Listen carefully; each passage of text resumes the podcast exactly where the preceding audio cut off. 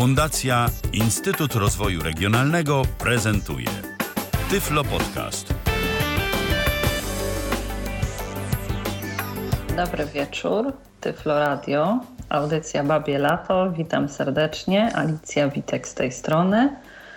Y, tematem dzisiejszej audycji będzie książka najogólniej ujęta, czytelnictwo osób niewidomych i biblioteki przeznaczone dla y, tychże czytelników. Gościem mojego dzisiejszego programu jest Aleksandra Bochusz. Witam Cię, Olu. Dobry wieczór. Witam serdecznie. Cieszę się, że zechciałaś przyjąć zaproszenie do mojej audycji. I z Olą właśnie będziemy rozmawiały o tym, jak wygląda e, praca e, bibliotekarzy niewidomych, obsługa przez nich czytelników, jak wygląda funkcjonowanie bibliotek przeznaczonych dla osób niewidomych, a także porozmawiamy o tym, jakie są działania podejmowane przez biblioteki nie przeznaczone stricte dla osób niewidomych, ale E, także mm, przez biblioteki publiczne. Może na początek powiedz mi i naszym słuchaczom, czym się zajmujesz w bibliotece, jakiego rodzaju jest to biblioteka, mm, coś więcej o sobie i o Twoim miejscu pracy. Biblioteka, w której pracuję, jest to Biblioteka Okręgu Łódzkiego Polskiego Związku Niewidomych. E, właściwie jedna z nielicznych bibliotek, które jeszcze są pod auspicjami Polskiego Związku Niewidomych. Zdaje się, że tylko my się ostaliśmy i Bydgoszcz. E, w czym się zajmuję? Zajmuję się w zasadzie wszystkim, ponieważ no, nasza biblioteka jest bardzo mała kadrowo, jesteśmy tylko dwie e, i generalnie nie ma mm, podziału jakiegoś takiego, że e, ktoś jest odpowiedzialny tylko za jeden księg rodzaj księgozbiorów, tylko robimy obydwie to, co jest do zrobienia akurat w danym momencie. No może ja bardziej zajmuję się takimi sprawami komputerowymi, bo chyba szefowa jakoś mniej to lubi. Rozumiem. E, czytelnikami biblioteki, w której pracujesz, są tylko osoby niewidome, czy również osoby niedowidzące? E, I osoby niewidome, i słabowidzące. Mhm. A mm, jakiego rodzaju e, zasoby udostępniacie swoim czytelnikom? Czy to są woluminy brajlowskie, kasety, y, książki y, kodowane. Jak to wygląda? Czy również y, na przykład książki z powiększonym drukiem dla osób niedowidzących? Coś o asortymencie biblioteki, jeśli mogłabyś powiedzieć mi? Jasne. Są książki brajlowskie, oczywiście, ponieważ my z szefową jesteśmy wielkimi orędowniczkami Braille'a. E, także nie rezygnujemy z tradycyjnych form brajlowskich i zresztą znajdują się oczywiście chętni na czytanie książek brajlowskich ciągle, wbrew temu co się mówi, że Braille już odchodzi do lamusa. E, mamy oprócz tego e, kasety, których jednak jest coraz mniej. Kasety już po chwili, po, powoli pozbywamy się kaset. E, część idzie, jest po prostu już tak zniszczonych, że nawet no, nie kwalifikują się ani do słuchania, ani do przekazania nikomu, więc no, część musi pójść po prostu do, do utylizacji. E, natomiast część kaset ofiarowujemy czytelnikom, którzy chcą mieć jakieś swoje ulubione tytuły na własność e, lub ofiarujemy, ofiarowujemy kołom PZN z naszego okręgu, które wypożyczają w swoich tak, takich malutkich punktach bibliotecznych, które tworzą na, na własny użytek koła. Ale główną taką osią naszej działalności są teraz książki mm, audio y, w trzech formatach. W formacie czytak, to właśnie to, co mówiłaś o tym formacie kodowanym. I te książki, tych mamy najwięcej i cieszą się największą popularnością, dlatego że u nas w bibliotece czytelnicy są dość wiekowi. Średnia wieku czytelników naszych y, to jest, no tak naprawdę nie przesadzam, 70 plus I by nie powiedzieć o czytaku, na pewno wiem, że wśród słuchaczy znajdą się i zwolennicy czytaka, ale na pewno wśród młodych ludzi e, dużo przeciwników, właśnie ze względu na to, że jest to format kodowany. Natomiast ja uważam, że dla starszych osób jest to urządzenie naprawdę najprostsze w obsłudze. I e, jeżeli chodzi o czytaki, mamy około 6 tysięcy tytułów. Już przekroczyliśmy, jakieś dwa tygodnie temu przekroczyliśmy 6 tysięcy tytułów. E, około tysiąca książek mamy w standardzie Daisy i około 300 w MP3. Rozumiem, czyli e, rzeczywiście czytelnicy e, mają w czym wybierać. I to jest e, biblioteka, która jest fizycznie dostępna, można przyjść, tak, e, wypożyczyć sobie książki. E, na jakiej zasadzie? Z własnym nośnikiem? E, czy jest na przykład możliwość przysłania do waszej biblioteki nośnika i odesłania przez was, czy takiej możliwości nie ma? Trzeba się stawić osobiście. E, trzeba się stawić osobiście i właśnie z własnym nośnikiem. To znaczy tak, kasety i braille oczywiście my dajemy, prawda, tomy i, mhm. i pudła z kasetami, natomiast jeżeli chodzi o audiobooki, nie wypożyczamy płyt. E, płyty mamy około 20 tytułów takich, że tak powiem, reprezentacyjnych i ewentualnie na czarną godzinę, jeżeli czasami, nie wiem, komuś się zepsuje czytak i ma go w naprawie, to, to dajemy mu jakąś płytę, ale jeżeli jest to czytelnik taki, że tak powiem, którego już znamy, wiemy, że można mu w pełni zaufać, żeby te płyty gdzieś tam nie zaginęły w akcji. Natomiast generalnie trzeba przyjść z własnym nośnikiem, e, z, z kartą, jeżeli czytak, nie trzeba całego czytaka taszczyć, tylko wystarczy kartę do czytaka przynieść. No ewentualnie z pendrive'em, z MP3, e, z Milestone'em, BookSense'em, ze wszystkimi tymi urządzeniami, które odtwarzają, e, odtwarzają pliki audio. Można przyjść, my podłączamy wtedy do komputera i komputera kopiujemy. Yy, trzeba przyjść, właśnie, tak jak mówiłam, albo osobiście, no, albo kogoś z rodziny przysłać, natomiast niestety nie prowadzimy wysyłki, dlatego, że jesteśmy tylko we dwie, yy, obydwie jesteśmy osobami całkowicie niewidomymi, yy, no i był, byłaby to trudność, prawda, z pakowaniem tego, pakowaniem jak pakowaniem, ale adresowaniem, potem chodzeniem z tym na pocztę. Mm, Oczywiście. Zbieraniem, także... Rozumiem. E, to skoro dowiedzieliśmy się już co nieco o działalności biblioteki, w której pracujesz, e, chciałabym nieco rozszerzyć temat. E, jak wygląda ogólnie w bibliotekach i w bibliotekach Polskiego Związku Niewidomych i w tych, z którymi miałaś styczność, praca pracowników będących osobami niewidomymi?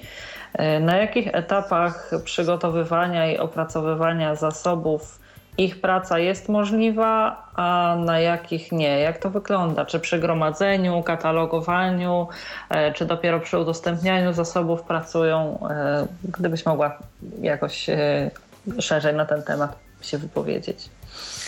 W zasadzie tak naprawdę no ja mam głównie styczność z naszą biblioteką, z Biblioteką e, Centralną Polskiego Związku Niewidomych, która obecnie już przestała być Biblioteką Centralną Polskiego Związku Niewidomych, tylko się nazywa Działem dla Niewidomych Głównej Biblioteki Pracy i Zabezpieczenia Społecznego. Musiałam to powiedzieć, bo jestem bardzo dumna z siebie. Trzy miesiące się uczyłam tej nazwy. tak skomplikowana. E, tak. I z Biblioteką w Bydgoszczy troszeczkę. U nas w tych trzech bibliotekach pracują osoby niewidome i tak naprawdę naprawdę w zasadzie na każdym etapie one mogą pracować, dlatego że mm, Biblioteka Centralna ma y, system y, komputerowy, który jest w pełni przystosowany. On już powstał no, ładnych kilkanaście lat temu, albo może ze 20 nawet. Gdzieś wydaje mi się, że nie chcę to jakiegoś przekłamania zrobić, ale chyba może nawet lata 90. to jeszcze były, nawet początek. Y, to był specjalnie opracowany system. On jeszcze wciąż działa pod DOSem. Y, jest w tej chwili etap y, opracowywania go dla Windowsa. Y, I to jest system, który pozwala mm, niewidomym bibliotekarzom katalogować i to wszystko też łączyć z kartami czytelniczymi, które są w komputerze. Czyli wszystko tak naprawdę jest dostępne. Jeżeli jakąś książkę czytelnik wypożycza, odszukujemy ją, jeżeli chce wypożyczyć, odszukujemy ją w katalogu i natychmiast ten numer za pomocą jakiejś jednej prostej komendy trafia na kartę czytelniczą i już jest zaznaczone, że tą książkę już ten czy, dany czytelnik czytał. Czyli karty czytelnicze w pełni e, już elektroniczne, tak? Tak, elektroniczne. My jeszcze jesteśmy trochę bardziej tradycyjne, dlatego że czekamy troszeczkę na ten system, czy on będzie dla Windowsów, czy nie. Jeżeli nie, to spróbujemy jakiś własny sobie stworzyć. Katalogi już oczywiście mamy elektroniczne, natomiast karty czytelnicze y, ciągle jeszcze są u nas tradycyjne, brajlowskie. No a jeżeli chodzi już o samo udostępnianie, to oczywiście też, czy woluminy brajlowskie, czy pudełka z kasetami, wszystko jest opisane braillem. Y, na pudełku czy na tomie jest zawsze sygnatura danej książki, także bez problemu można ją odnaleźć. Zresztą już y, po iluś tam latach pracy to już się zna ten układ półek, wiadomo mniej więcej, które, które sygnatury są w którym miejscu, także dość sprawnie. No tak, udostępnianie jestem w stanie sobie wyobrazić. Natomiast kiedy przychodzą te tomy jeszcze nieopisane, e, i kasety nieopisane. E, czy tym również zajmują się osoby niewidome, jako takim opisywaniem tych, e, tych woluminów, kaset i katalogowaniem tego? tak, to znaczy ja wiem, jak to wygląda u nas, nie wiem, jak jest w Warszawie w bibliotece, natomiast mhm. myślę, że podobnie, dlatego, że tak, po pierwsze jest tom Braille'owski, niewidoma sobie z nim poradzi, bo ona otworzy książkę i jest w stanie z niej spisać tytuł, autora, rok wydania. Mhm, I podobnie jest z kasetą. Może ją powiedzmy wpuścić z magnetofon, tym, tym bardziej, zwłaszcza, że teraz nowe, nowe kasety już nie przychodzą, czyli ten problem jakby odpada. Czyli książki audio również można swobodnie katalogować. No ewentualnie y, y, można zrobić tak, że osoba widząca gdzieś tam coś przedyktuje, jeżeli akurat jest taka możliwość, ale niewidomi też w tym uczestniczą, bo zapisują braillem. Wiadomo, że y, najszybciej pisze braillem, piszą braillem niewidomi, tak? Także to, to żeby to sprawnie szło, to muszą to robić osoby niewidome. Natomiast jeszcze wrócę na chwilę do tego, do poprzedniego pytania, bo zapomniałam się odnieść, do jakoś umknęło mi, a do rzeczy nie mamy i z tego co wiem, Biblioteka Centralna również nie ma, może jakieś tam pojedyncze egzemplarze książek w powiększonym druku. Aha. Dlatego tego nie ma i to już jakby odpada, bo z tym byłby problem, tak? Bo to, żeby zrobić, e, tutaj masz rację, żeby zrobić opis bibliograficzny, katalogowy, trzeba by było wtedy taką książkę, no zeskanować najpierw układkę. Przynajmniej tytułową stronę. Tak, właśnie. tak. I dopiero z tego spisywać. Natomiast w przypadku Braille'a i kaset nie ma problemu, bo to wszystko możemy, tak powiem, no wpuścić sobie w, albo w magnetofon, albo w jakiś odtwarzacz, jeżeli chodzi o książki audio, albo odczytać po prostu z Braille. Rozumiem. E, czyli na wszystkich etapach e, osoby niewidome mogą spokojnie pracować przy udostępnianiu też, bo karty są albo elektroniczne w systemie, e, albo karty czytelników, albo tak jak w Waszym przypadku w Braille'u. To w takim razie, skoro już wiemy, jak wygląda praca niewidomych, przynajmniej bibliotekarzy od kuchni, na jakich zasadach można stać się członkiem e, tej biblioteki? Nazywajmy ją dalej PZN-owskiej lub e, którejś z Waszych bibliotek, okręgów PZN-u, Waszej lub tej bydgoskiej. Jakie warunki trzeba spełniać i jakich formalności trzeba dopełnić, żeby, takich, żeby z zasobów takich bibliotek móc korzystać? Znaczy tak, powiem może najpierw o bibliotece, tej właśnie nazywamy może umownie centralną, bo rzeczywiście tam, tam ta nazwa jest tak skomplikowana, że zabrałoby dużo czasu powtarzanie jej. E, tam przynajmniej, jeżeli nic się nie zmieniło, mm, to zawsze do tej pory było tak, że jeżeli chodzi o księgozbiór, tam był podział na księgozbiory. Jeżeli chodzi o księgozbiór brajlowski, e, mogły korzystać osoby, które miały orzeczenie o stopniu niepełnosprawności e, znacznym lub umiarkowanym albo o grupie inwalidzkiej ze względu na wzrok. No bo wiadomo, że jeżeli ktoś czyta braillem, no to raczej jest nie, niewidomy albo bardzo słabo widzący. Na... E, przepraszam, jeszcze jedno pytanie mam. A czy te brajlowskie książki osobom z jakichś e, miejsc bardziej oddalonych, e, na przykład, nie wiem, mieszkających gdzieś całkiem na południu czy całkiem na północy kraju, były w jakiś sposób dostarczane, wysyłane, czy to tylko osoby z okręgu mazowieckiego mogły korzystać z tych, z tych woluminów brajlowskich? Nie, nie, z Biblioteki Centralnej jak najbardziej korzystają ludzie z całej Polski. Ja zresztą sama, mimo to, że pracuję w bibliotece, to korzystam też z mhm. zasobów działu brajlowskiego Biblioteki Centralnej, dlatego że niektórych pozycji u nas nie ma. My jesteśmy Ja zadaję mniejszą. takie pytania, dlatego że y, staram się wejść w rolę osoby, która nigdy dotąd nie korzystała z tej biblioteki i byłaby zainteresowana tym jaka jest jej oferta i w jaki sposób może z niej skorzystać. Y, Biblioteka Centralna, no mimo tych wszystkich zmian, które tam zachodzą nieustająco ostatnio, Biblioteka Centralna nadal prowadzi i myślę, że będzie prowadzić wysyłkę książek brajlowskich, kasetowych, y, CD audio, czyli na płytach, MP3 na płytach. Z tego co wiem, to do nich, w przeciwieństwie do tego, co jest u nas, można również nawet wysłać kartę do czytaka albo jakiś nośnik i też jest odsyłane z nagranymi książkami. Także niezależnie o, to rzeczywiście tego... duże udogodnienie. Tak, niezależnie od tego, w, jakie, w jakim miejscu Polski mieszkamy, możemy otrzymywać takie przesyłki i to jest też e, świetna rzecz, że takie przesyłki, ja dzisiaj dostałam, gdzie jestem na bieżąco bardzo, przychodzą kurierem, czyli nie trzeba wychodzić z domu, iść na pocztę, bo na przykład czasopisma brajlowskie, tak jak ja dostaję pochodnie, to ona przychodzi w formie takiej, że e, w formie jakiegoś paczki czy listu poleconego, już nie pamiętam, ale w każdym razie za każdym razem jest awizowana i trzeba sobie zrobić spacerek na no pocztę. No tak, bo do skrzynki się nie zmieści po prostu. Tak, tak, tak, jako przesyłka niewymiarowa, natomiast książki z Biblioteki Centralnej są przynoszone przez kuriera. Także jest to bardzo wygodne. Było jeszcze coś takiego, niestety już od początku tego roku nie ma takiej opcji. Tak zwany bibliobus dla osób, e, z tym, że to było tylko dla osób z Warszawy i okolic, które nie wiem, ze względu na sprzężoną niepełnosprawność, na stan zdrowia, na wiek, czy na, na to, że się samodzielnie nie poruszają, nie były w stanie przyjść same po książki i nie miały też kogo po nie przysłać. I ten bibliobus po prostu dowoził do nich. Rozumiem.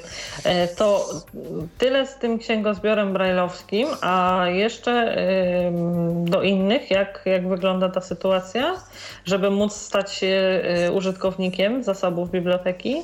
E, tak, już mówię. Orzeczenie o niepełnosprawności ze względu na wzrok jest również wymagane przy zapisie do serwisu wypożycz wypożyczeń online.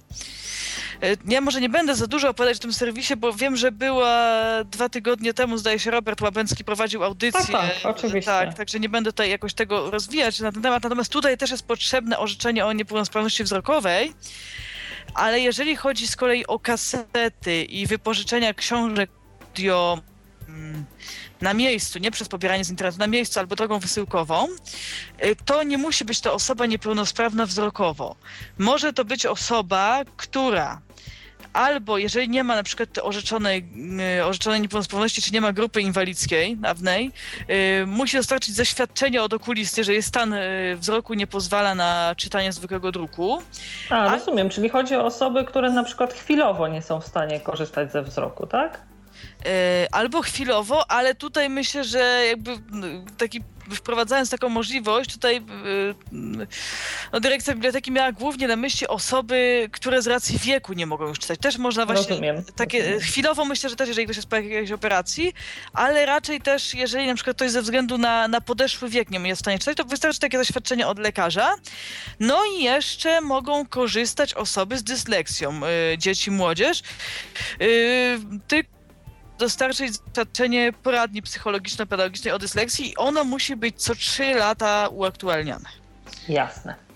Czyli e, już wiemy, zapisaliśmy się do biblioteki, wiemy mm, jak e, biblioteka działa, na ile udział w jej funkcjonowaniu biorą pracownicy niewidomi. A przepraszam, może jeszcze, tak? jeszcze jedną rzecz do, tych, do tak? tego zapisu, bo to jest dość istotne. Tak, po pierwsze jeszcze potrzebne oprócz tych dokumentów, które wymieniam, jednego z tych dokumentów, tak, opcjonalnie, potrzebne jest jeszcze tak, ksero orzeczenia o niepełnosprawności, no to już mówiłam, ksero i ksero dowodu osobistego, albo w przypadku y, osób niepełnoletnich y, legitymacji szkolnej.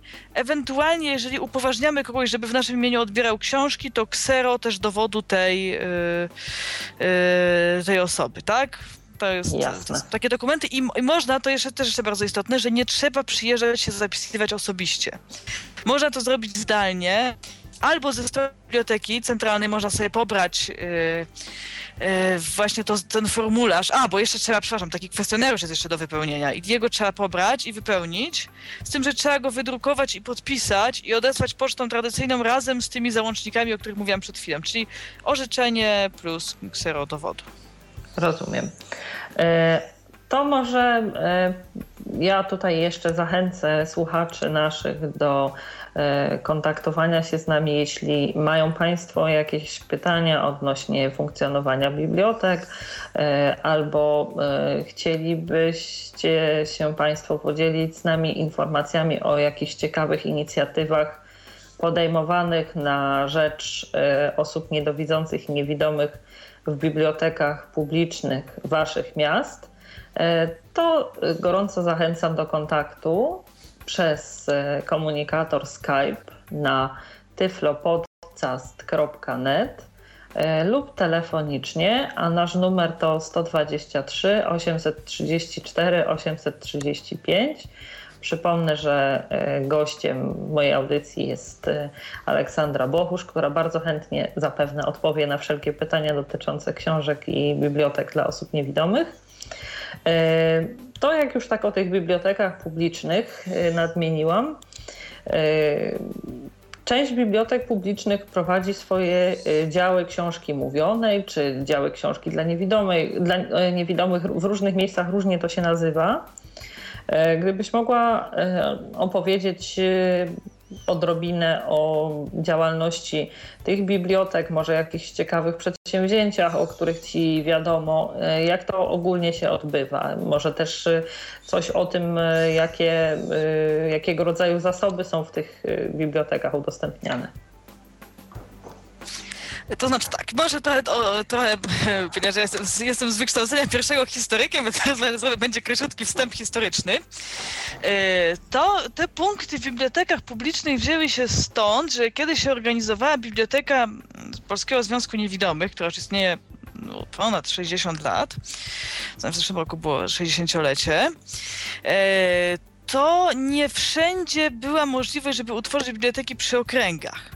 I w związku z tym Biblioteka Związku, Biblioteka Związku Niewidomych dogadała się z niektórymi bibliotekami publicznymi i przekazała im część swojego księgozbioru właśnie na to, żeby one mogły tworzyć takie działy książki mówionej. I te działy, owszem, są w wielu bibliotekach publicznych, na przykład wiem, że w Łodzi u nas no naprawdę jest sporo tych punktów, natomiast tak, one wypożyczają głównie kasety, i tych kaset jest bardzo mało. Ja w jednej z bibliotek rozmawiałam e, z bo nam czytelnika nie ale właśnie wczoraj przyszedł się pożegnać, bo już wszystko przeczytał. Wszystko, co po prostu ta, czym ta biblioteka dysponowała. Yy, tak, troszkę teraz też niektóre mają audiobooki, ale z audiobookami jest taki problem, że no jednak te książki na płytach kosztują trochę. Jeżeli biblioteka nie ma dotacji, no to, to po prostu nie jest w stanie ich, ich kupić i udostępniać. Wiem, że są pojedyncze biblioteki publiczne, które również nagrywają książki na karty czytakowe, czy na inne nośniki, tak jak my. Z takich najbardziej znanych bibliotek publicznych, które taką działalność na rzecz niewidomych prowadzą, to jest biblioteka w Wałbrzychu, Biblioteka pod Atlantami. Ona tam właśnie tam ma dział zbiorów dla niewidomych i ta biblioteka na przykład cyklicznie już teraz będzie czwarty czy piąty raz organizuje konkurs na recenzję y, książki mówionej, właśnie przeznaczony dla mm, czytelników niewidomych. Potem jest zawsze, y, to jest bardzo ciekawa inicjatywa, potem zawsze jest, y, wszyscy, którzy brali udział są zapraszani na uroczyste wręczenie nagród. To tam się chyba trwa w ogóle trzy dni, także taka wielka feta książkowa z tego robi. No, zawsze jest zapraszany jakiś lektor znany, już wiem, był pan Roch Siemianowski, był pan Jacek Kis, Zdaje się, że pan Jasieński też był na którymś spotkaniu. Natomiast takiego znaczy, naszego... Ten konkurs tak, aktualnie tak. trwa, czy dopiero się zacznie? To znaczy nie, konkurs, o właśnie, to może powiem, to, to jest super pytanie, dziękuję, bo to powiem dla zainteresowanych, bo może ktoś by chciał wziąć udział. No może ja na przykład, mm. załóżmy, że chciałabym wziąć udział. No nie, ba bardzo polecam, to jest y, konkurs, trwa, pracę można składać do 10 września. Na stronie Biblioteki pod Atlantami oni chyba mają Atlanty, nie pamiętam w tej chwili adresu, chyba Atlanty, czy coś takiego, ale jak wpiszemy Wojewódzka i Miejska Biblioteka pod Atlantami, czy Miejska Biblioteka w tej chwili, bo w nie województwem, Biblioteka pod Atlantami w każdym razie jak wpiszemy wyszukiwarkę, to na pewno nam y, znajdzie. I tam jest dla niewidomych i na tej stronie jest regulamin konkursu, z tym, że w tym roku jest taka, troszkę zostałam też zaskoczona tym, bo zawsze było tak, że można było jakąkolwiek książkę zrecenzować. Znaczy tak, przepraszam. Pierwsza edycja była, zdaje się, tylko książki polskie można było recenzować, natomiast potem kolejne już można było recenzować, co się chciało, a w tym roku zawęzili y, i trzeba napisać recenzję książki z literatury dziecięcej bądź młodzieżowej. Także... O tak, także tak jest. Trzeba wrócić do, do, do lat szkolnych y, lekturowo i, i napisać coś tak. A to rzeczywiście zaskoczenie z tego rodzaju zawężeniem akurat, ale może rzeczywiście jest to też y, jakiś tam y, bodziec mający stymulować czytelnictwo dzieci i młodzieży. E, tak, i obok tego jest też konkurs na bajkę lub na bajkę dla dzieci. To znaczy, można wystartować albo w tym, albo w, e, znaczy w tym i w tym, czyli albo i bajkę, i recenzję, albo na przykład napisać tylko bajkę, albo tylko recenzję. Także to, to, to I ten nie konkurs jest tak, że... organizuje dział e, właśnie ten tak, dla osób tak, tak, tak, tak, tak, tak. Mhm. E, o czym jeszcze mogłabyś w kontekście e, tych bibliotek publicznych e, opowiedzieć? Może o jakichś ciekawych inicjatywach albo o bibliotece, która ma jakąś szeroką działalność czy nowatorskie pomysły na udostępnianie swoich zbiorów? To znaczy tak trochę z własnego podwórka łódzkiego, no bo jednak tutaj najbardziej znam. Na moim osiedlu jest, trochę będzie teraz prywaty, ale pozdrawiam bardzo serdecznie panią Basię. Apel na pewno nas słucha. Obiecała. Filia numer 14 Biblioteki Dzielnicowej Łódź po lesie. To jest wspaniała biblioteka publiczna, naprawdę bardzo otwarta na niewidomych, na innych niepełnosprawnych również. Yy, pani Basia oprócz tego, że udostępnia książki na tak udostępnia to od lat gromadzi wszystkie czasopisma dla niewidomych, jakiekolwiek tam się ukazują, czy, czy pochodnie, y, Tyflo Świat, Wiedza i Myśl, wszystkie zamawia, y, wszystkie są u niej dostępne. I prowadzi też, nawet namawiałam ją na wydanie jakiejś książki z tego, bo prowadzi też taką bibliografię zawartości takiej książkowej, bibliografię książek y, popularnych, popularno-naukowych i naukowych, które w jakikolwiek sposób poruszają tematykę niepełnosprawności. Y, czy to przez to, że są stricte powiedzmy o niepełnosprawnych, czy przez to, że bohater jest osobą niepełnosprawną. No i pani właśnie zaprasza również do swojej biblioteki na spotkania autorskie osoby niewidome, niewidomych twórców. Była Hanna Pasterny, autorka dwóch książek, była poetka pani Irena Stopierzyńska-Siek.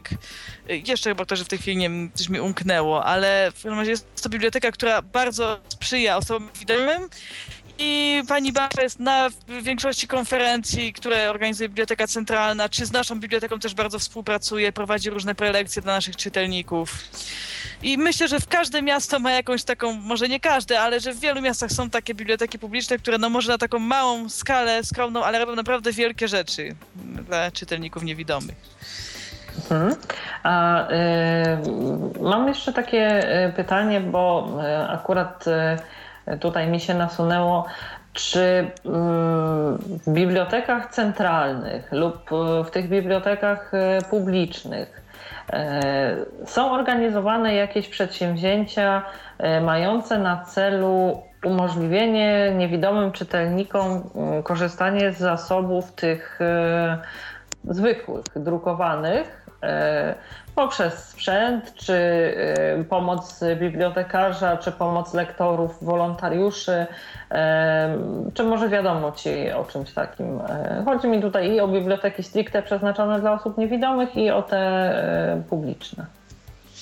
Tak, jeżeli chodzi o biblioteki stricte dla niewidomych, y, to Biblioteka Centralna y, w ramach tego serwisu wypożyczeń online prowadzi wypożyczalnie książek w plikach tekstowych, czyli to są e, pliki, książki przygotowane przez Bibliotekę Centralną, przetworzone do formatu plików tekstowych i jest też tak zwane skanowisko, czyli książki, którymi użytkownicy się dzielą. E, po prostu przesyłałem je do biblioteki centralnej, bibliotekarze je w, wrzucają na serwer i one są potem do, do pobrania. To są właśnie książki, które nie ukazały się ani w formatach audio, ani w Braille'u, natomiast są dostępne w ten sposób e, po zeskanowaniu. Że ktoś je zeskanował. Tak, tak. tak. Mhm. E, drugą taką opcją to jest to, że biblioteka publiczne, niektóre biblioteki publiczne mogą mieć i wiem, że mają, e, niektóre w ramach jakichś projektów dostały sprzęt, na którym na przykład osoby niewidome mogą e, sobie samodzielnie przygotować książkę. To znaczy zeskanować ją, przeczytać albo przy pomocy bibliotekarza. Ja no powiem szczerze, że jest to takie smutne, ale byłam raz w jednej z łódzkich bibliotek, które, nie w tej, o której opowiadałam poprzednio, yy, w której właśnie taki sprzęt został zakupiony, bo akurat moja koleżanka tam chwilowo pracowała, poprosiłam ją, mówi, słuchaj, u nas kupili jakiś sprzęt dla niewidomych, on już pół roku stoi i się kurzy.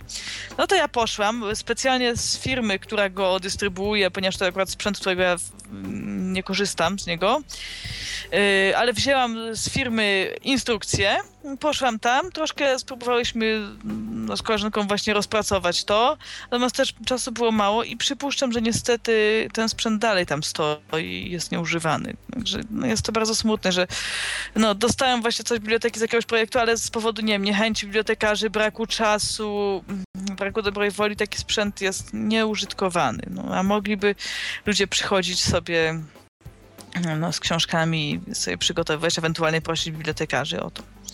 A jak wygląda dostępność, e, bo to, że e, mamy wielki e, wybór, zarówno jeśli chodzi o gatunki i o formy tych, tych wydawnictw, jeśli chodzi o, bele, o beletrystykę, Natomiast e, jak ma się sprawa z e, jakimiś na przykład e, prasą brajlowską, kto to udostępnia, na jakich zasadach lub opracowaniami naukowymi, książkami takimi, które służą niekoniecznie rozrywce, a na przykład edukacji, które są potrzebne do studiowania, pogłębiania wiedzy.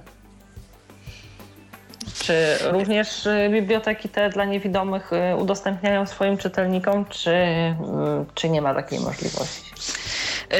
To znaczy tak, to się troszkę wiąże z poprzednim pytaniem, ale zaraz do tego mhm. wrócę. Najpierw o bibliotekach dla niewidomych. Biblioteki dla niewidomych udostępniają głównie, tak na przykład Biblioteka Centralna, czy Biblioteka Nasza, czy bydgoska udostępniają głównie beletrystykę. Natomiast nie jest też tak, że nie ma w ogóle takich pozycji naukowych. Ja ostatnio y, przeglądając w pracy katalog coraz bardziej się zadziwiam, bo znajduję coraz więcej pozycji, których gdzieś tam potrzebowałam na studiach i absolutnie nie mogłam nigdzie dostać. Ja mówię, że mnie też nie przyszło do głowy, żeby przyjść po prostu do swojej biblioteki. Co prawda wtedy jeszcze w niej nie pracowałam, byłam czytelniczką, ale ja w ogóle nie pomyślałam, że my możemy mieć coś takiego, także czasami naprawdę jest to zaskakujące. Ale te, to jest, y, tak powiem, krok kropla w morzu. Natomiast tutaj to właśnie to jest powrót do poprzedniego pytania.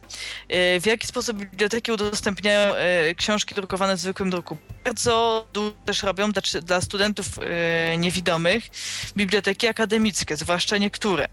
Teraz powstał, czy już dwa lata temu, taki projekt o nazwie Akademicka Biblioteka Cyfrowa. I to jest projekt, który jest y, finansowany z Unii Europejskiej w ramach Europejskiego Funduszu Społecznego, z programu operacyjnego Kapitał Ludzki i koordynatorem tego projektu jest y, Uniwersytet Warszawski, Biblioteka Uniwersytetu Warszawskiego. Mm, to jest biblioteka, która wcześniej funkcjonowała pod nazwą Biblioteka Książek Cyfrowych.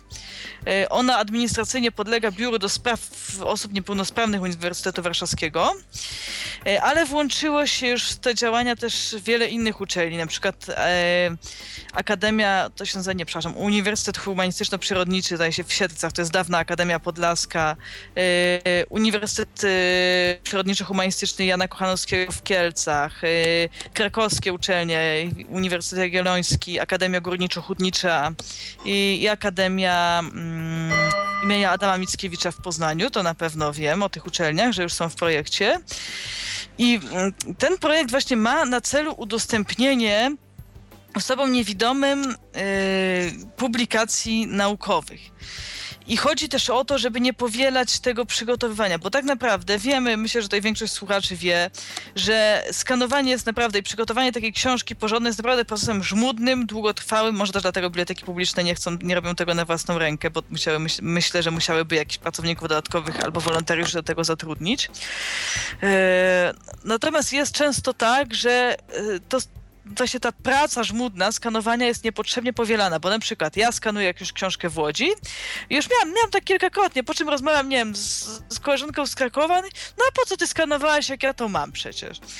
Y, no i chodzi o to, żeby stworzyć właśnie taką bazę ogólnopolską i właśnie temu ma służyć ta Akademicka Biblioteka Cyfrowa, żeby te wszystkie uczelnie, biblioteki tych wszystkich uczelni, które mają jakieś pozycje zeskanowane, dla, właśnie pod kątem osób niewidomych, żeby one to wszystko wrzuciły do jednej bazy i stamtąd można je pobierać. E, rozumiem, a żeby mieć dostęp do tej biblioteki akademickiej, e, trzeba być studentem, czy niekoniecznie?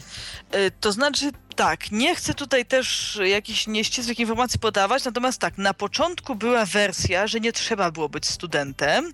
Ja wtedy się zapisałam, bo nawet pisałam artykuł do Tyflo Świata na temat tej biblioteki, jak ona powstawała i zapisałam się też no, po to, żeby jakby zobaczyć, jak to funkcjonuje, tak, od środka, tak powiem, co tam jest, co tam można pobrać. Yy, natomiast potem się okazało, że już osoby nie będące studentami nie mogą tam należeć. Moje konto, owszem, niedawno się próbowałam zalogować, nadal istnieje, yy, natomiast jest nieaktywne w tym sensie, że nie mogę pobierać książek. Mogę sobie yy, przeglądać katalog. O, ale właśnie jedną tak, taką pozytywną informacją jest to, że katalog tej Akademickiej Biblioteki Cyfrowej można przeglądać nie będąc zalogowanym. Czyli jeżeli szukamy jakiejś pozycji i nie wiem, mamy znajomego studenta, który tam ma konto i mógłby nam to ściągnąć, to wystarczy, że my sobie wejdziemy w katalog, odszukamy, czy to jest i jeżeli jest, no to poprosimy go wtedy, yy, żeby nam to pobrał. Bo się okazuje teraz, że jednak trzeba być studentem, tak? Na początku Rozumiem. nie było tego wymogu, natomiast teraz zdaje się jest. Y to y, jeszcze ostatnia kwestia taka dotycząca y, bibliotek. Y, chciałabym, żebyś opowiedziała jeszcze mm, na koniec tej, tej części bibliotecznej o tym, jak wygląda kwestia bibliotek w ośrodkach specjalnych, bo kiedyś to głównie były brajlowskie tomy, głównie to były książki na kasetach ewentualnie pojawiały się jakieś e, wydawnictwa e, z powiększanym drukiem lub z powiększanymi, lub wydawnictwa takie z dużymi obrazkami, czy półwypukłymi obrazkami.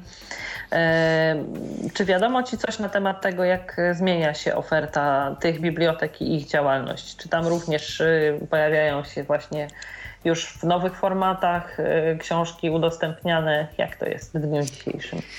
Tak, tak. Biblioteki mm, ośrodków też idą z duchem czasu, przynajmniej te, z którymi mam kontakt. Łódzka, i, ale natomiast naj, największy kontakt mam akurat z Biblioteką Wrocławską. Y, I to jest biblioteka, która jest naprawdę dla mnie takim wzorem naśladowania, ponieważ tam y, koleżanka, która tam pracuje, robi naprawdę mnóstwo. Y, mnóstwo rzeczy po to, żeby uczniowie mieli te pozycje, które które są im potrzebne, ale też takie, które im się zamarzą, jeżeli chodzi o pozycje beletrystyczne. No i tak, oczywiście, oprócz podręczników w powiększonym druku i w brailu, to znaczy kwestia wydruku podręczników i dostępu do podręczników dla osób niewidomych to jest w ogóle inny temat, tak? Ponieważ to się zmienia co chwilę podstawa programowa, co chwilę trzeba nowe podręczniki zmieniać, co chwilę ministerstwo zmienia zdanie, w jaki sposób to ma być yy, tworzone te podręczniki. Natomiast no, są podręczniki generalnie oczywiście w tych bibliotekach ośrodkowych, są książki powiększonym drukiem, chociaż tych książek powiększonym drukiem w ogóle wydaje się mało ogólnie, także to, to zawsze tak było. Są książki brajlowskie, ale też są właśnie książki y, w formatach audio. I z tego co wiem, to i w Łodzi, i we Wrocławiu jest taka możliwość, żeby na przykład przyjść z nośnikiem i yy, mieć nagrane to co, to, co sobie zażyczy yy, młody czytelnik albo mały czytelnik. Y, we Wrocławiu w ogóle y, bibliotekarka przygotowuje mm, książki też na własną rękę, czyli na przykład jeżeli ma książkę w formacie tekstowym, zeskanowaną powiedzmy przez ucznia, znaczy przez siebie, a uczeń sobie życzy audio, to przy pomocy programów typu Expressivo, no to prawda, przerabia to na format audio. Także naprawdę tutaj wielki ukłon w stronę Joli Schulz z Wrocławia, że no naprawdę coś, coś wielkiego to jest dla y, dla uczniów, że mogą mieć jeszcze dodatkowo nie tylko to, co jest powiedzmy w katalogu, że mamy sztywny katalog i już, prawda, nie, nie poszerzamy go na własną rękę, ale no bo naprawdę to jest żmudna praca, siedzenie, skanowanie tego, potem poprawianie błędów, żeby MP3, to znaczy, żeby ten syntezator mowy jakoś sensownie to przeczytał. Na przykład usunięcie numerów stron, żeby za każdym razem nie czytał nam, prawda, strona 229, jak słuchamy sobie na MP3.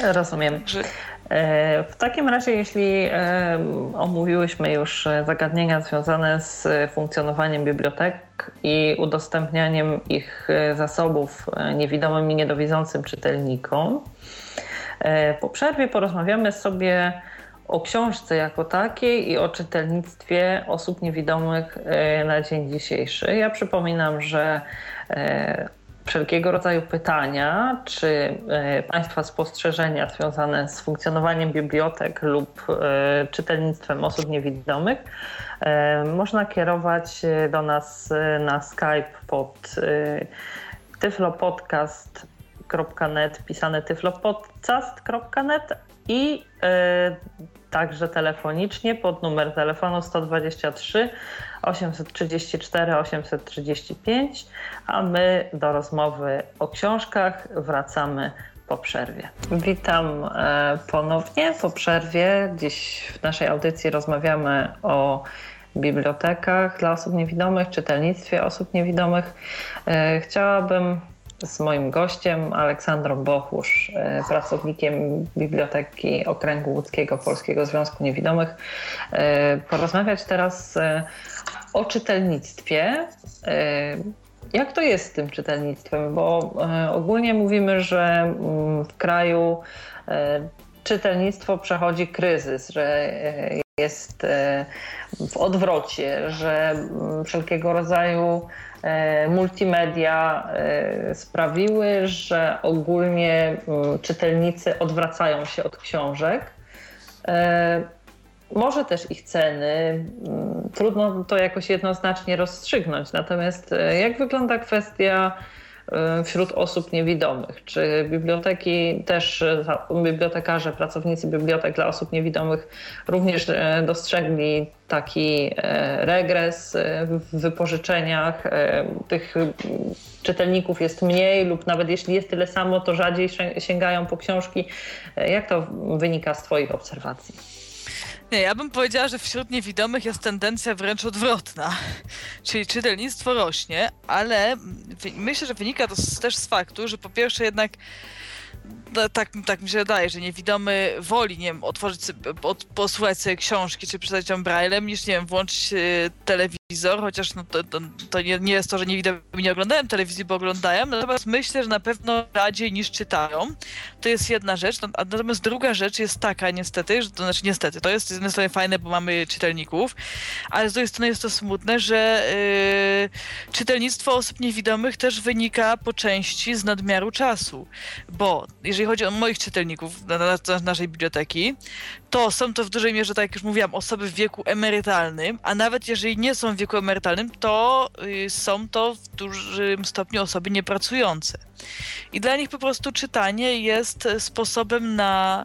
Zabijanie no, no, czasu. Tak, zabijanie czasu, chociaż też mamy takich czytelników, którzy na przykład stracili wzrok dorosłości i przychodzą teraz i mówią, o, my całe życie nie mieliśmy czasu na czytanie, to teraz sobie poczytamy, tak? Y, także I to akurat jest... chyba jest bardzo miłe i takie pozytywne. Tak, bardzo. E, jedno, co obserwujemy, to obserwujemy na pewno spadek czytelnictwa osób młodych. Z tym młodych niewidomych osób, z tym, że ja myślę, że to nie jest spadek czytelnictwa, tylko że to jest spadek korzystania z biblioteki w formie, że tak powiem, żywego, bezpośredniego kontaktu. A sprawił to, sprawił to serwis wypożyczeń online, e, ponieważ myślę, że większość osób młodych sobie pobiera albo z serwisu, albo z innych źródeł, jakichś chomików i tak dalej, albo albo sobie skanuje na własny użytek, prawda, i mm, stworzy własny księgozbiór. Także myślę, że to wynika też z tego, że oni nie potrzebują już takiej y, biblioteki w sensie dosłownym, żeby przyjść, żeby im coś nagrać. Mm. Tego potrzebują głównie osoby starsze, które nie korzystają właśnie z, z nowoczesnych technologii same.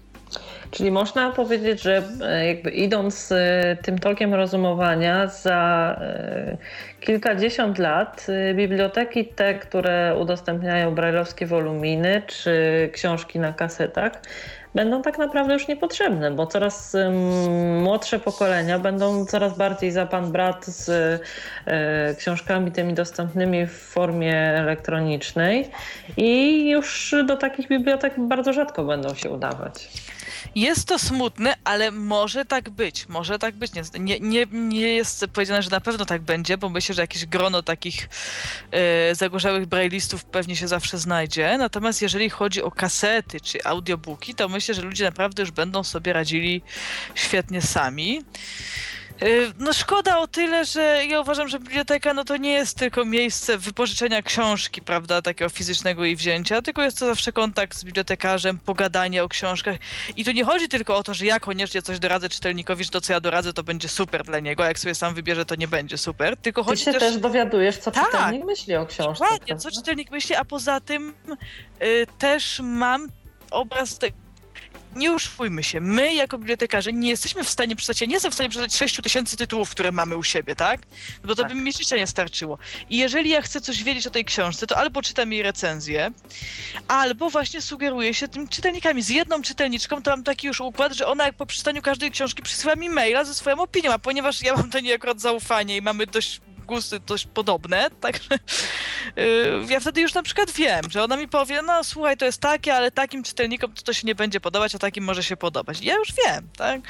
Także naprawdę szkoda, żeby, żeby to zaniknęło. Myślę, że jeżeli te biblioteki miałyby rzeczywiście upaść, w sensie takiego, że ludzie nie przestaną do nich przychodzić, no to oczywiście fajnie by było, mm, zresztą to myślę, że musi pozostać, te serwery, prawda, z których żeby ludzie mieli skąd pobierać, no i żeby jednak y, wtedy jakąś stworzyć taką ożywioną listę dyskusyjną, bo jest lista dyskusyjna biblioteki Biblioteki Centralnej, na której jestem zapisana i wiem, że ta lista jest niestety prawie martwa. Jakaś tam wiadomość to się pojawia raz na, nie na kilka miesięcy.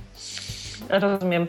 A e, czy przesądza też o tym e, coraz większa dostępność? Już nie mówię akurat w kontekście wypożyczania książek jako sposobu e, docierania do nich, ale to, że mm, książki są coraz bardziej dostępne. Jest coraz więcej wydawnictw e, publikujących e, e audiobooki, e, e-puby i tak dalej, e, tym podobne książki, e, gdzie one po prostu stają się coraz tańsze. Pamiętam, że na początku te książki były naprawdę bardzo, bardzo drogie i to był ogromny wydatek kupno takiej książki.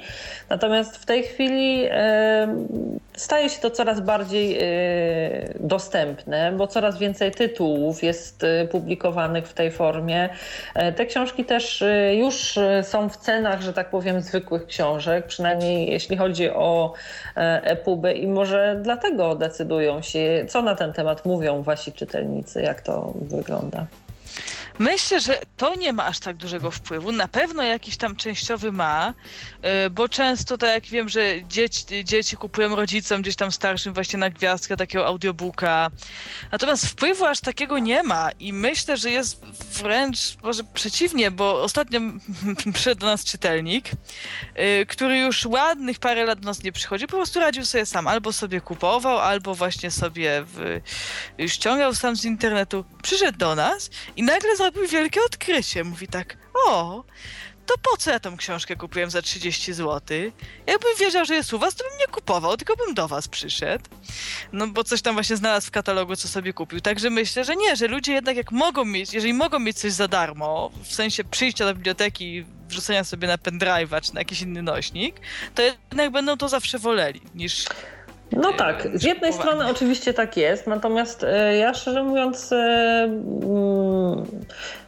staram się raczej kupować sobie książki, bo mm, takie, które mnie interesują, e, takie, które chcę mieć szybko, teraz już natychmiast, Wyszukuję po prostu w księgarniach, e, które publikują wydawnictwa właśnie takie elektroniczne i myślę, że, że ten dostęp jest większy. One się szybciej jakby pojawiają. Nim to tam do tej biblioteki, ja przynajmniej mam takie wrażenie, że nim to do tej biblioteki trafi, nim to ktoś opracuje, udostępni, ja jeszcze z tym nośnikiem gdzieś tam jechać albo wysyłać, czekać aż mi to odeślą z powrotem, to to troszeczkę zbyt długa droga dla tej książeczki mi się wydaje. Dlatego pytam o to, bo mm, jakby z moim takim doświadczeniem y, bliżej jest y, jakby tej mojej teorii, ale jeśli czytelnicy rzeczywiście tak y, dalej przy tych bibliotekach i ta dostępność e-pubów i e-booków nie robi na nich jakiegoś wielkiego wrażenia, to zapewne ty masz rację, bo to, bo to ty przy tych książkach pracujesz i ty wiesz, co czytelnicy na ten temat mówią, więc... To znaczy, to jest to, to, co ja mówię, dotyczy właśnie głównie osób starszych. Natomiast jeżeli mhm. chodzi o osoby młode, to one rzeczywiście bardziej chyba kupują, bardziej właśnie, ponieważ chcą być bardzo na bieżąco, ale yy, myślę, że to można też jakby, bo to, co powiedziałeś, że, że do biblioteki to nie trafia tak szybko i to jest, to jest z jednej strony fakt, ale z drugiej strony jest też fajnie, jak czytelnik, yy, jeżeli czytelnik wspiera bibliotekę. Mamy takiego czytelnika właśnie jednego z nielicznych młodych, takiego dwudziestokilkuletniego pana, yy, który on często sobie albo kupuje, albo ściąga książki z jakichś serwisów komercyjnych, i potem nam przynosi. My je po prostu włączamy do naszego księgozbioru. No nie, nie wiem na ile jest to, gdyby ktoś, prawda, chciał się mocno przyczepić, ktoś, nie wiem, związany z, y, prawda, z prawami autorskimi. Tak? Być może byłoby to jakoś... No, natomiast no, myślę, że na taką skalę, jak my udostępniamy, bo to stosunkowo jest mała skala, no stu kilkudziesięciu czytelników, to to nie jest jakoś no, mega, prawda, nie wiadomo jak. Tym bardziej, że ci nasi czytelnicy, oni jednak z tego co wiemy, oni raczej nie udostępniają tego dalej, ponieważ to są, tak jak mówię, osoby starsze, które nie mają dostępu do internetu i to nie jest to, że ta książka gdzieś tam pójdzie w eter i zostanie rozpowszechniona. Czyli no, to jest tak, że my na przykład troszkę działamy czasami na zasadzie takiego, no tak może brutalnie to zabrzmi, ale takiego handlu wymiennego, że nie wiem, my na przykład czytelnikowi sprowadzamy jakąś tam książkę z Biblioteki Centralnej, na której mu bardzo zależy, a on nam za to przynosi coś, co to oczywiście nie jest nie warunek. Tak, tak, tak, mhm. tak, dokładnie. Także w ten sposób można też przyspieszyć właśnie tak, to, to, żeby biblioteka była szybciej na bieżąco. No tak, e, rozumiem. A mm, jeszcze tak, e, z takim e, pytaniem, jak odbierasz postrzeganie czy oglądanie świata e, przez Twoich czytelników niedowidzących i niewidomych? Czy w dobie internetu, w dobie e, telewizji, wszelkiego rodzaju multimediów, wydawnictw elektronicznych itd., tak to nadal e, książka jest tym nośnikiem informacji, który najlepiej opisuje świat osobom niewidomym? Czy twoi czytelnicy dzielą się z tobą tego typu refleksjami, czy, mm, czy nie? Czy mówią, że jakoś mm, zanim odkryli to czy tamto, yy, myśleli, że najwięcej o świecie dowiedzą się z książek, a to jednak tak nie jest? Czy nadal ta książka jest takim, taką mm, formą najbardziej opisową i najbardziej dostępną? I taką, która e, pobudza wyobraźnię, rozwija wyobraźnię, jak to jest z czytelnikami dzisiaj. Bo kiedyś osoby niewidome głównie y, oglądały świat, zwłaszcza ten daleki, ten, którego nie mają na wyciągnięcie ręki przez y, czytane książki. Myślę, że nadal jednak książka, zwłaszcza to jak ja cały czas będę to podkreślać, ale ja mam głównie czytelników starszych. Myślę, że u moich czytelników głównie jednak książka. Po pierwsze do internetu nie, do internetu nie mają dostępu. Po drugie są to osoby też w, duży, w dużej mierze u nas, które straciły wzrok y, w dorosłości. I ja mam wrażenie, że takie osoby na przykład, które straciły wzrok i pierwsze co, dzisiaj nawet przyszła pani mówi tak, wie pani, no bo ja już nie czytam, no telewizji też nie oglądam, no bo jak? I to są osoby, które one sobie na przykład nie, w ogóle nie, jakby nie wyobrażają, że one mogą, i to nie jest osoba całkowicie niewidoma, że one nie wyobraża sobie, że mając na tyle słaby wzrok, ona w ogóle będzie oglądać telewizję, tak? I mhm. jednak książki. Ostatnio przyszła... Yy, żona czytelnika, bo zawsze do niego żona przychodzi, on się bardzo rzadko pojawia, bo też ma jakieś tam problemy takie ruchowe. Przyszła żona i mówi tak, wie pani, ja już nie mogę, ten mój mąż tylko czy czytam. Ja już nie mam siły. W nocy nie mogę spać, to czyta. To jest naprawdę, dla niektórych to już się robi taki naprawdę, no, no, sposób na, no nie wiem, na życie, to jest, to jest też uważam niezdrowe, bo oni zamiast, nie wiem, on zamiast pomóc tak. żonie, ona mówi, już czasami by się wziął za jakieś sprzątanie, przecież może też sobie, a on tylko siedzi i czyta. I to jest też takie trochę przesadzone. I jeszcze może wracając do któregoś z poprzednich pytań powiem, bo pytałeś, czy, czy więcej czytałem, czy mniej, że myślę, że czytają, e, stosun- przychodzą może rzadziej, ale jeżeli ktoś ma kartę 8 giga, na którą ja mu wgram 40 książek, to dla mnie to nie jest dziwne, że on przyjdzie za pół roku. Dla mnie jest dziwne, jak on przyjdzie za miesiąc. No, No bo tak. jeżeli mamy taką ilość książek, ale też ostatnio bardzo ciekawą refleksją się podzielił ze mną jeden z czytelników, bo wziął chyba właśnie 20 książek i przyszedł za miesiąc, za półtora może, i mówi, wie pani co, tak naprawdę to mówi może z jedną trzecią tych książek przeczytałem od A do Z. I też on taką wysnuł z tego taki wniosek, że też troszkę dostęp do książek staje się za łatwy. Za łatwy w tym sensie, że jak człowiek przydźwigał pudło kaset do domu, no to już mu było szkoda nawet tego dźwigania i puścił sobie książkę, no to ona od początku do końca. Tam może się drzemnął przy niej albo nie drzemnął, ale przesłuchał je w sumie w miarę od początku do końca. Natomiast teraz, jak ma na tym czytaku i może sobie swobodnie, czy na jakim innym urządzeniu, może sobie swobodnie nawigować, to tam posłucha połowę albo i nie, a to już mi się znudziło, to mi nie odpowiada. Ja sama wiem po sobie, tak y, miałam, niedawno miałam taki czas, że chyba przez trzy miesiące nie mogłam sobie dobrać lektury. Co zaczynałam, to przerwa, nie, to nie to, to nie to i ciach następne. Gdyby człowiek miał, że ma w domu, nie wiem, jedną książkę, a po następną musi znowu z wielką torbą jechać, to by pewnie przeczytał tamtą. No dobra, średnio mi się podoba, ale przeczytam. A teraz mamy taki dostęp, to może... Ale to, może, to jest może lepsze. To znaczy tak, mnie się też wydaje, że jest tak, że e, kiedyś dla osób niewidomych, kiedy książki były nagrywane na kasetach dużym nakładem pracy, bo tą książkę ktoś musiał przeczytać, ktoś inny zrealizować i tak dalej. Kiedy książki były drukowane dla osób niewidomych jeszcze większym nakładem pracy, to naprawdę y, myślę, że też była lepsza selekcja, że i te książki, które trafiały, to były książki starannie wybrane, to były książki, które właśnie czegoś o tym świecie osoby niewidome uczyły i tak dalej, i tak dalej. Dzisiaj, kiedy y, nie ma najmniejszego problemu z, z przerobieniem czy tam udostępnieniem książki takiej normalnej, drukowanej również w formacie elektronicznym, tak naprawdę całe y, to takie, no kolokwialnie mówiąc, badziewie również w te, w te formaty elektroniczne trafia, tak? I myślę, że to nie jest nic dziwnego, że ktoś nie czyta od A do Z, bo ja jestem czytelnikiem dość wymagającym.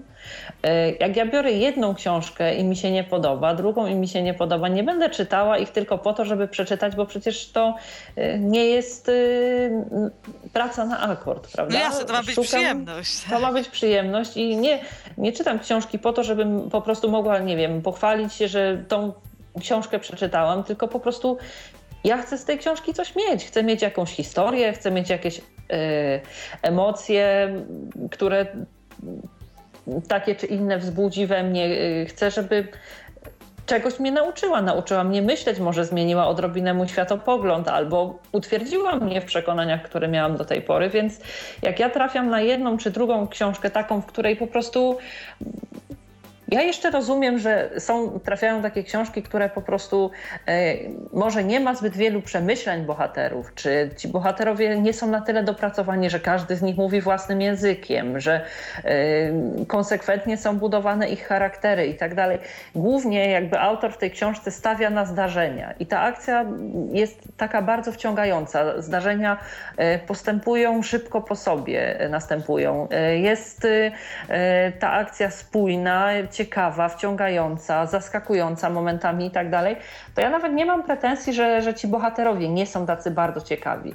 Ale jak to jest książka taka, w której bohater jakiś taki niezmiernie nudny, który raz jest taki, raz siaki i po prostu sam się na tym nie przyłapuje, gdzieś prowadzi przez 30 czy 40 stron rozważania jakieś dysputy akademickie na zupełnie błahy temat i dodatkowo nic się nie dzieje i nic z tego nie wynika, to mnie jest bardzo trudno się przymusić i w sumie nawet y, czasami szkoda mi jest, że takie książki trafiają gdzieś w formie elektronicznej i tak dalej, bo szkoda mi tego czasu, który ja poświęcę nawet na przeczytanie jednej dziesiątej takiej kiepskiej książki.